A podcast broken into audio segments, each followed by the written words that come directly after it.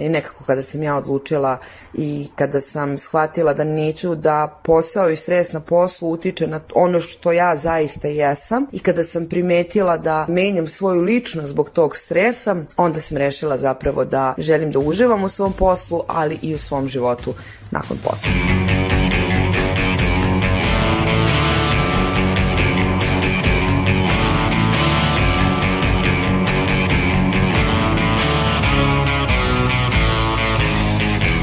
Zdravo! Slušate podcast Reaguj nezavisnog društva novinara Vojvodine. Moje ime je Iva Gajić, a na epizodi su radile i Irena Čučković, Sanja Kosović i Sanja Đorđević. Ako ste već zaposleni, sigurno možete da se poistovetite sa pričom o stresu na poslu, a možda i sa takozvanim burnoutom. Šta god bio uzrok tog stresa, mi ćemo u 97. epizodi, koja je nastala u sradnji sa Mental Hubom, pokušati da zajedno sa sagovornicima i sagovornicama nađemo rešenje ali kako često to volimo, hajde da pođemo od ličnih primjera. Sanja, ti si pričala sa mladima baš o fenomenu burnouta. Šta su oni rekli? Tako je, Iva. Pričala sam sa nekoliko mladih koji su imali različite iskustva sa stresom na poslu. Pa hajde da krenemo. Jelena je primarno novinarka, ali pored tog posla ona radi na još nekoliko strana, pretežno u nevladinom sektoru. Ona za podcast Reaguje opisuje kako je za nju izgledalo pregorevanje od posla. Recimo, pre nekih godinu i po dve stvarno sam imala burnout. To je baš se desilo negde dva, tri dana pred godišnji odmor, kada sam ja primetila da imam neke obrazce ponašanja koji nisu toliko tipični za mene, tačnije nisu uopšte. Poslednji dan pred odmor, kako sam žurila da sve stignem, da sve sredim, um, sam postala na granici agresivnosti, besna, ljuta, ništa mi nije odgovaralo, što kažem inače nije ono kako ja reagujem na stvari. I to je meni bio jasan pokazatelj da nešto nije okej okay i sama ta činjenica da mi je trebalo 5 dana odmora da dođem sebi, pa onda odmor, pa onda 5 dana da se povratim i to je bio neki prelomni trenutak gde sam ja rešila da prosto neke stvari moraju i mogu da se promene. Naša sagovornica kaže da je tada naučila i postavila jasnu granicu između privatnog i poslovnog života, a objašnjava i kako se danas nosi sa stresom na poslu. Moj način nošenja sa stresom je određivanje poslovnih granica koje mogu i smem da podnesem. Naravno, trebalo je doći do toga kroz neka pokazivanja dokazivanja, dokazivanja kroz neko napredovanje, ali mislim da to ne treba nikad čekati, nego postaviti jasno granice i ono što sam naučila, tri sve moguće reči u borbi sa stresom su neću, ne znam i ne mogu. Pogotovo kada pričamo o mladima, apsolutno je dozvoljeno reći da nešto ne možete, da nešto ne znate ili da vam za nešto treba više vremena. I nekako kada sam ja odlučila i kada sam shvatila da neću da posao i stres na poslu utiče na ono što ja zaista jesam i kada sam primetila da menjam svoju ličnost zbog tog stresa, onda sam rešila zapravo da želim da uživam u svom poslu, ali i u svom životu nakon posla. Sa druge strane, Marko se bavi marketingom. Za svoj sadašnji posao kaže da nije preterano stresan. Ipak i on je u jednom periodu života doživeo pregorevanje. Doživljavao sam burnout na prethodnom poslu kada sam u jednom momentu shvatio da to ipak nije za mene. Krenulo je da mi opada koncentracija i nisam se baš najbolje osjećao u smislu da je ta firma uradila mnogo za mene, da ja napredujem, a ja sam shvatio da zapravo nije neki karijerni put koji je za mene stvoren. E, nisam ništa uradio tada zato što zapravo nisam znao da mi se to dešava. Ja sam tek kasnije, kada sam već našao i drugi posao i to, počeo da čitam o burnoutu i shvatio da sam ja zapravo imao te simptome sve vreme, ali u to doba sam neko vreme sam bio onako da kažem beživotan, da sam ležao i gledao u plafon i da mi ni stvari koje sam inače voleo da radim nisu pružale zadovoljstvo. Mada njegov sadašnji posao nije previše stresan, uvek postoje situacije kada su klijenti više zahtevni ili imaju nedostižne očekivanja. Marko prepričava kako se on nosi sa takvom vrstom stresa. Najčešće ga rešavam i nosim se sa njim tako što se bavim nekom fizičkom aktivnošću ili radim neki od hobija koji mene lično opuštaju, što je čitanje knjiga, gledanje filmova ili generalno slušanje muzike i podcasta. U poslednje vreme sam primetio da stand-up komičari meni mnogo pomažu u, u destresiranju. Olivera trenutno radi u IT sektoru kao menadžerka ljudskih resursa. Njena priča je slična poput Markove. Rešenje za pregorevanje našla je u promeni posla. Možda zvuči onako malo previše očigledno ili vrlo privilegovano. Međutim, to je bila odluka nakon više meseci razmišljanja, nakon više pokušaja da se stvari dovedu u red i na kraju kada sam sve uzela u obzir, shvatila sam da nijedan posao nije vredan tolike količine stresa i napora i drago mi je što sam donela tu odluku zato što sam upravo sa tim znanjem krenula da tražim posao gde će se više obraćati pažnje na mentalno zdravlje radnika, na to da kapaciteti nisu ono neprebukirani nego mnogo više od toga. I nekako moj plan je bio da postavim granice od samog početka, ali na poslu na kom trenutno radim za to srećom nije ni bilo previše potrebe. Miloš svoje radne dane provodi u kancelariji, baveći se korekturom naučnih radova. Sa stresom na poslu kaže da se danas uglavnom nosi uz pomoć šale i razgovora sa kolegama. Međutim, nije uvek bilo tako. Kada sam počeo tek da radim, nisam poznao toliko ljudi, pa sam taj stres više morao da jel, internalizujem, što je i dovelo do burnouta, jer tad sam i privatno imao mnogo da radim, tako da praktično nisam imao trenutka odmora, to je rezultiralo nekim glavoboljama, jakim nekoliko puta, ali se sve to na kraju rešilo, nisu ostale nikakve trajne posledice, srećom. Dakle, to nije bilo nešto što bih preporučio svakom, jel, da se tako nosi sa, sa negativnim uh, emocijama u sebi, jer ne može to svako. Ja sam naučio da budem svoj psihoterapeut, tako da sam izgurao to lako, ali ponavljam, ne preporučujem. A šta o burnoutu kažu profesionalci? Psiholog Boris Popov objašnjava šta podrazumevamo pod tim pojmom. U suštini, Uh, ukoliko neke stresne situacije daleko premašuju i to dug, dugo traje, dakle da, da taj raskorak je zapravo jako, jako veliki, jako, jako uh, ovaj, uh, traje određeni vremenski period, mi onda zapravo potrošimo te naše resurse, odnosno organizam više ne može da izađe na kraj sa tim uh, stresorima, dakle sa tim uh, previsokim zahtevima, jednostavno potroši sve energetske resurse i upadne, da tako kažemo, u to stanje burnouta, odnosno e, izgaranja. Znači, organizam više nema resursa s koje može da se da izađe na kraj sa, sa tim zahtevima i jednostavno upadamo u to stanje koje liči na jedno stanje bezvoljnosti, na jedno stanje onako, da tako kažem, pada naših vitalnih dinamizama, jednostavno nemamo entuzijazma, E, da ustajemo e, za novi radni dan, e, osjećamo iscrpljenost i ta iscrpljenost nije ona iscrpljenost koju možemo da prosto eliminišemo ako se jednu noć dobro naspavamo. Ta iscrpljenost traje duže, ona je vrlo uporna, dakle prolongirana je, traje, traje neko vreme ovaj, i jednostavno organizam tada uh, dakle, pokazuje zapravo, burnout je signal da moramo da povučemo ručnu, dakle da jednostavno ne možemo više na isti način da rešavamo probleme i da jednostavno su potrebna, potrebna dodatna podrška. I u tom slučaju, dakle, kada burnout ima još neke svoje druge simptome, kao što je zauzimanje jednog ciničnog odnosa prema poslu, dakle, to je onaj crni humor koji nekada možemo da vidimo, naravno nije svaki humor izraz burnouta, na, za, naprotiv, humor je generalno jako, jako, dobra, jako, jako dobra strategija regulacije emocija, ali u principu pričamo o nekom crnom ciničnom humoru koji predstavlja neku vrstu odvajanja od posla na neki način, prosto samoizolacije. Jel? I, ovaj, I u suštini, da kažemo, u, u tom stanju je očigledno da je potreba podrška i najbolji načini za, um, da tako kažem, um, smanjivanje burnout, odnosno za rešavanje tog problema jeste psihološko savjetovanje koje će najverovatnije da rezultuje time da se uzme neko vreme, e, da li je to neka pauza ili je to neki smanjeni režim rada, ali ovaj ali će morati neki način da se nešto promeni, dakle ne samo da se uh, koristi usluge psihološkog savjetovanja, što mislim da je jako važno u tom slučaju, nego verovatno će morati dakle, da dođe do neke promene životnog stila, kroz više odmora, kroz manje naprezanja, znači da bi se nekako ponovo izbalansirali ti zahtjevi resursi o kojima smo govorili. Ipak, psihološkinja Sonja Vukobrat-Ivković ističe da je kod burnouta, kao i kod stresa, neophodno ispitati zašto je do njega uopšte došlo. Da li je došlo zato što sam ja stvarno bila pretrpana i da su rokovi koji su prema meni postavljeni bili neki iracionalni, otprilike da bi ih postigla, ono mi je potrebno 120% kapaciteta.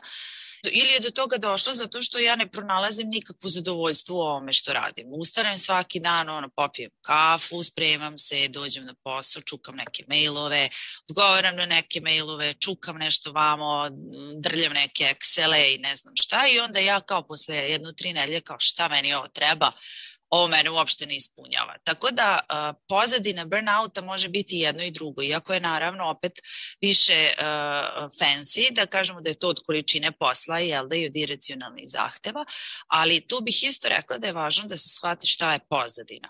Jer ako je pozadina objektivne okolnosti gde su pred pojedinca stavljeni preterani zahtevi, nerazumevanje od strane organizacije, nerazumevanje od strane kolega, nerazumevanje u krajnjem slučaju od strane porodice za vreme koje neko ulaže, doživljaj da nisam dovoljno plaćen za to što radim, da nisam dovoljno cenjen za vreme koje ulažem. To sve mogu biti uzroci da se neko na poslu osjeća loše i da u nekom trenutku ove, što se kaže pregori.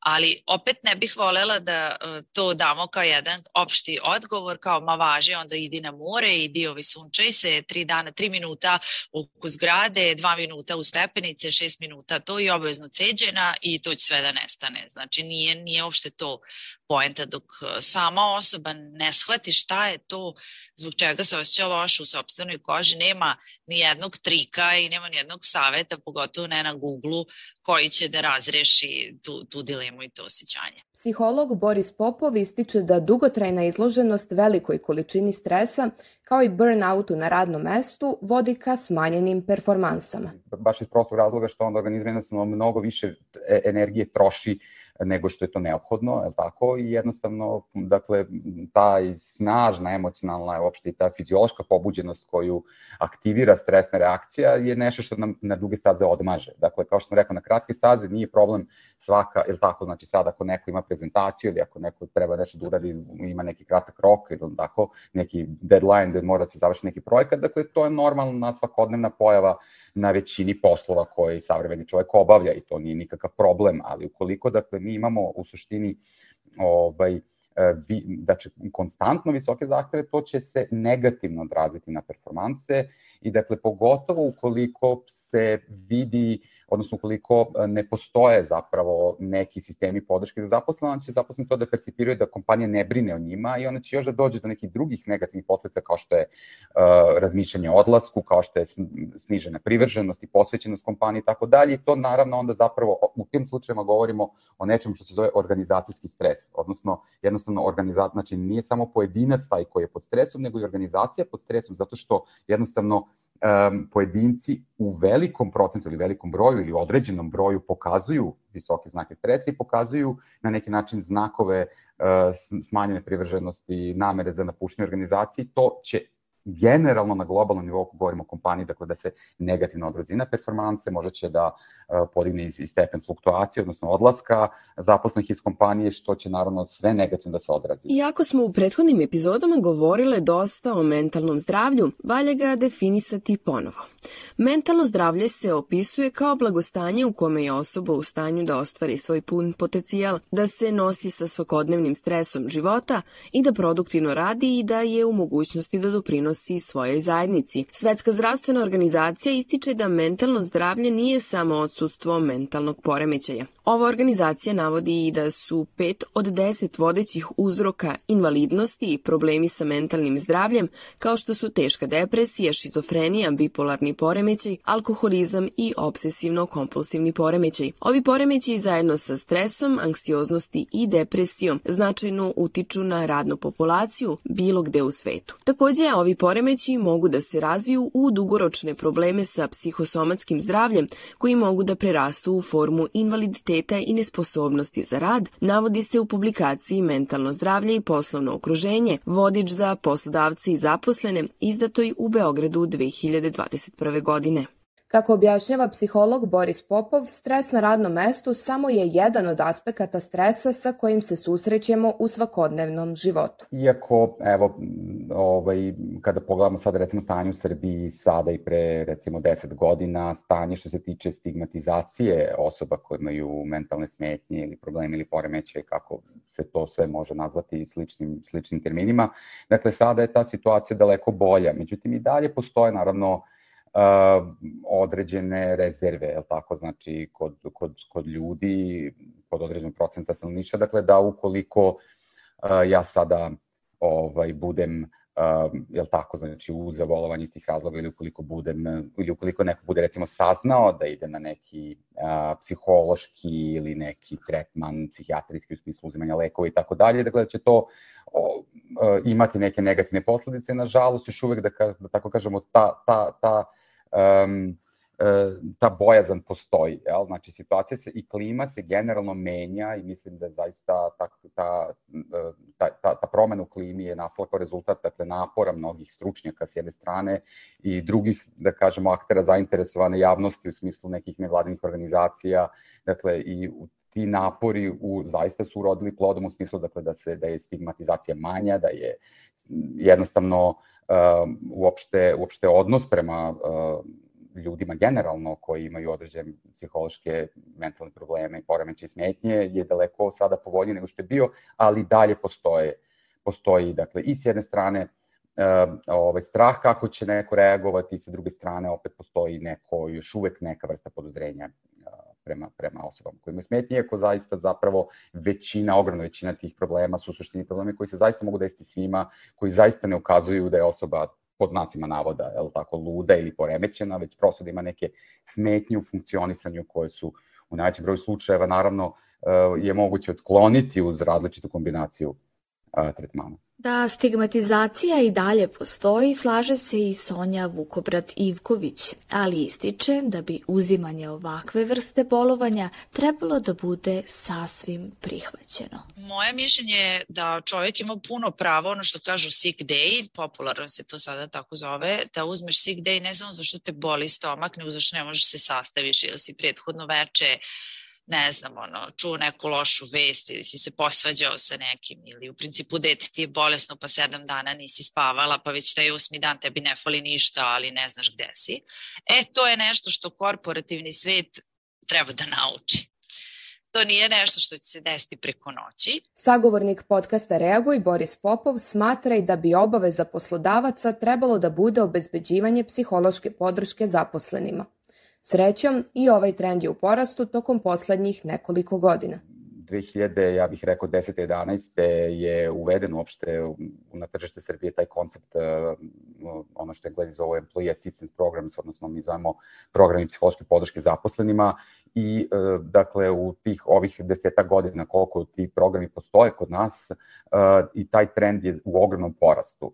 Ja, mene izuzetno raduje taj trend porasta zato što na neki način Uh, ukoliko je stres nastao, a naravno pričamo o stresu na poslu, stres je nastao, je tako, kao rezultat onoga o čemu smo pričali, dakle, raskoraka između između zahteva i resursa koji se postavljaju pred zaposlenog, tako da u tom nekom smislu naravno izuzetno važno da i poslodavac prepozna dakle, da je taj stres nastao kao rezultat uh, ovaj, uh, uslova na radu i da na neki način pruži određenu vrstu podrške. Tako da u suštini postoje različite vrste podrške, a psihološka podrška je dakle jedna od uh, tih oblika podrške koji su sve prisutniji i jednostavno mi vidimo zapravo da kompanije sada um, kroz različite programe uh, ovaj, i na različite načine, naravno, ali u suštini sve više kompanije se odluče za to da pruža baš eksplicitnu psihološku podršku, psihološko savjetovanje za svoje zaposlene uh, i još naravno neke druge programe, neke wellness programe i tako dalje i mislim da taj trend u porastu i to zaista može da nas raduje sve.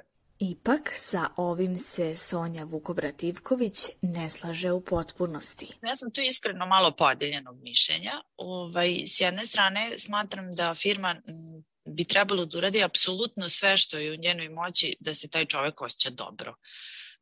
Pod tim mislim da se osjeća uvaženim, da se osjeća dostojanstvenim, da se osjeća to.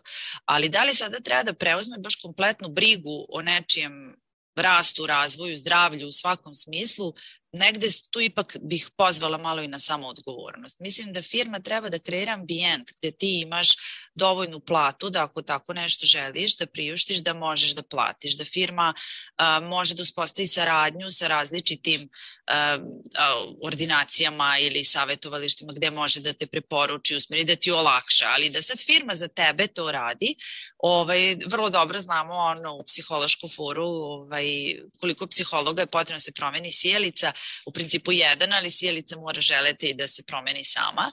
Ovaj, tu sam negde stava da jednostavno firma treba da uh, kreira plodnu, ajde, plodno zemljište za razvoj čoveka, ali ne da radi umesto njega. To mi dođe malo kao vrtić. Tu sad već onako, kako da kažem, pozvala bih na samoodgovornost.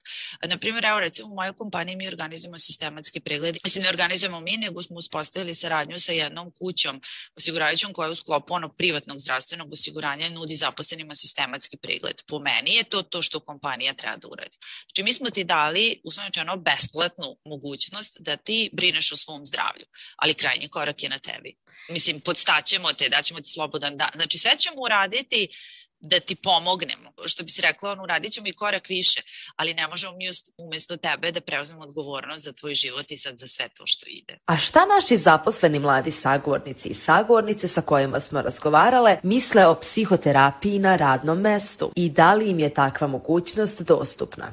Poslušajmo njihove odgovore. Mislim da onda gde ima resursa, novca i prostora da neko obezbedi psihoterapeuta, da bi to trebalo svakako da uradi i mislim da bi to bilo divno. Mogu da kažem da na jednom mestu od svojih radnih mesta i imamo ver, takvu vrstu podrške, tako da ovaj, iz tog iskustva mogu da kažem da to vrlo znači. Svaka kompanija treba da obezbedi psihoterapeuta, bar nekoliko besplatnih seansi. Čim postoji ta mogućnost, ljudi će biti spremni da pričaju o svojim problemima na poslu i lakše će to rešiti. Vjerojatno ne bih koristio psihoterapeuta da mi niko obezbedi zato što sam eto naučio, naučio da internalizujem svoje, sve svoje probleme i nekako imam, imam neki prirodan ventil za sve. Možda bih pokušao, ali zna, znam da mi, da mi ne treba ovaj, bar ne još. Vidjet ćemo za koju godinu. Firma u kojoj radim nudi psihoterapijsku podršku. Ona je deo paketa benefita, što znači da svaki zaposleni može da odabere psihoterapijsku podršku na mesečnom, tromesečnom ili godišnjem nivou kako oni žele i kada im je u stvari potrebna. Razlog zašto ja nisam opredelila za ovu uslugu je zato što je psihoterapija preko telefona, što svakako mislim da nije, nije idealno rešenje. Međutim, drago mi je da se potreba o psihoterapijskoj podršci stavlja mnogo više u prvi plan i da je to nešto što su i firme spremne da podrže kroz pakete benefita koje daju svojim zaposlenima. Psihološkinja Sonja Vukobrativković ističe da je jedno od rešenja za problem stresa na poslu veće poštovanje i uvaženost radnika kao osoba. Ono šta odgovor na ovo pitanje gde može da se krije što je kao malo širi, zove se psihološka bezbednost po meni jedan interesantan savremeni koncept koji kaže da bi ljudi na radnom mestu trebalo da se osjećaju uvaženim kao osobe u celosti, a mi, jel da, kao osobe imamo i dobre i loše dane, a imamo i, i kada smo bolji u nečemu, nekad kad nam nešto baš i ne ide, imamo trenutke kada nešto učimo pa smo spori, pravimo greške, trapavi smo i slično. E, ta psihološka bezbednost bi trebala predstavlja ambijent u kom je pojedinac uvažen sa svim tim. I na taj način bi potencijalno, a i ajde negde objektivno možda mogli da očekujemo da do svih tih simptoma, stresa, sindroma sagorevanja i slično, dođe sve ređe ili ajde da kažem možda i potpuno da se iskorene, jer osoba shvata da su to sve stvari kroz koje prolazi svaki razvojni put. I dete kad uči da hoda 500 puta padne i to su ono očekivane stvari. Ove nismo još videli nijedno dete da je odustalo od prohodavanja zato što se smorilo ili zato što znači prosto samo neko brže, neko sporije, neko manje elegantno, neko više elegantno. Tako da je po meni odgovor na tvoje pitanje kreirati takav ambijent gde su zaposleni prosto uvaženi kao ljudi, a ne kao mašine koje su svakog dana u punom kapacitetu samo ako ima struje. Psiholog Boris Popov rešenje vidi u konceptu zdrave organizacije koja sa jedne strane brine o svojoj ekonomskoj i finansijskoj održivosti, ali sa druge strane i o zdravlju zaposlenih.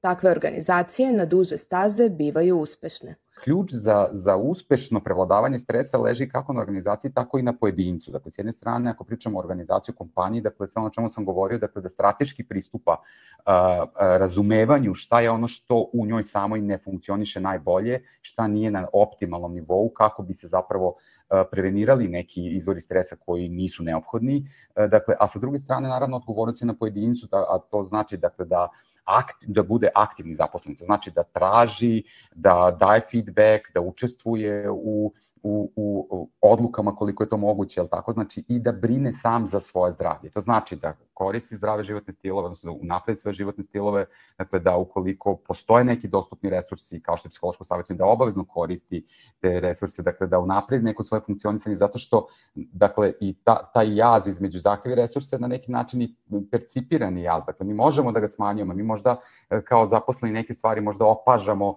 E, stresnim nego što one jesu. Tako da tu mi možemo da uradimo mnogo toga na planu, dakle da mi sami sebe osnažimo, da bolje regulišemo svojim emocijama, dakle da, da, da, da, živimo zdravije, da se više krećemo, dakle da prosto mi sami investiramo u sebe, u svoje blagostanje, u svoje mentalno zdravlje. Dakle, i u tom nekom smislu je zapravo taj presek između, između tih kompanijskih i ovaj, a, zapravo nekih a, strateških akcija i onoga što mi za sebe možemo da uradimo E, tu zapravo leži jedan, jedan najbolji zapravo presek, odnosno jedan, jedan, jedan optimalan sistem koji će onda da kažemo da rezultuje u jednom, jednom optimalnom nivou stresa. Sagovornik podcasta Reaguj naglašava i da je cilj eliminisati nepotreban i negativan stres, napominjući da stres može biti i pozitivan. U nekoj formi nekog pozitivnog uzbuđenja, tako da recimo izazovni zadaci koji se postoji pred zaposlene, dakle davati zaposlenima zadatke koje oni, kojima oni prirodno teže, kojima oni, koje oni vole,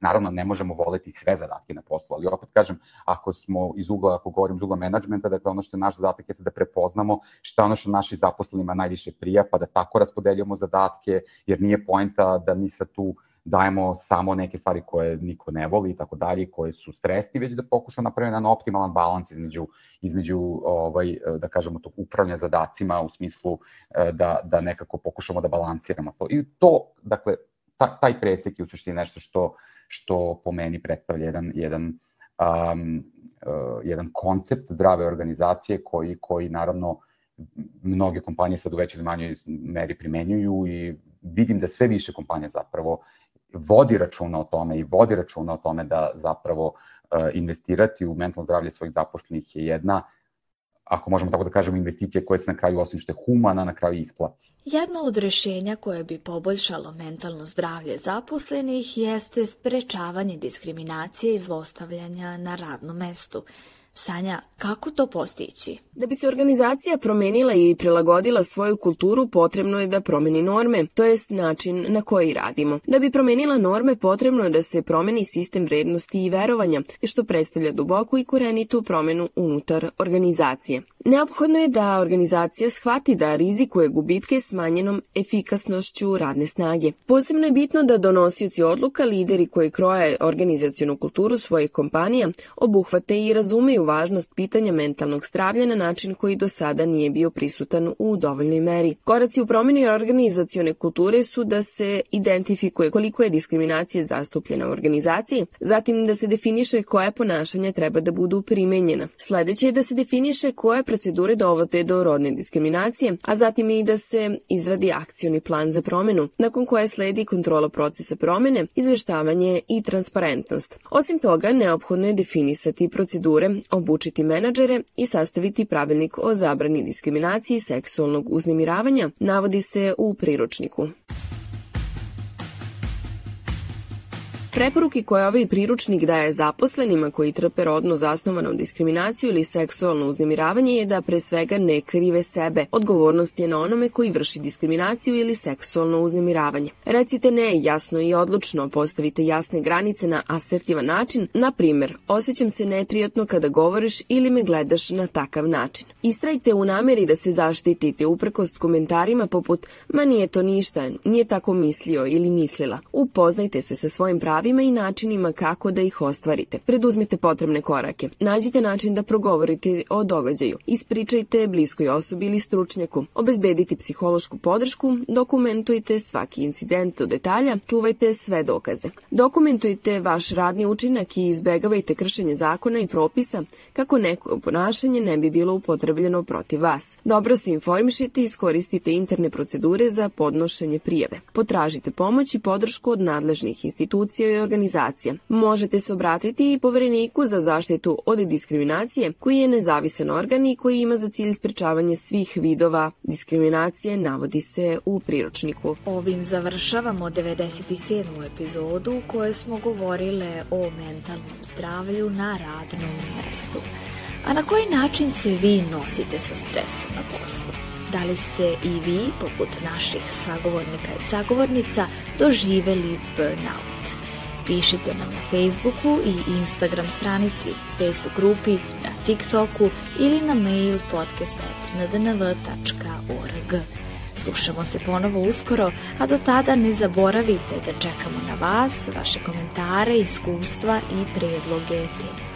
Naš rad možete pratiti na kanalima na iTunesu, Stitcheru, Castboxu, Sounderu, Spotifyu, Google podcastima, Deezeru, kao i na sajtu podcast.rs.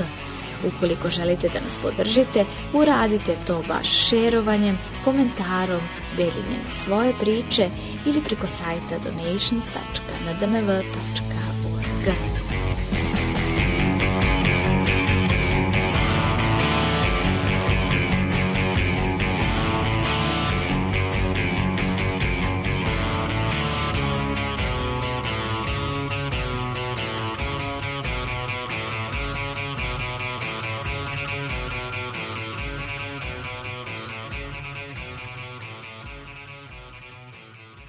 Podcast je nastao u okviru projekta Povezivanje ka većoj vidljivosti organizacija civilnog društva i većem učešću građana, koje realizuje Fondacija Ana i Vlade Divac uz podršku Balkanskog fonda za demokratiju, Nemačkog maršalovog fonda Sjedinjenih američkih država.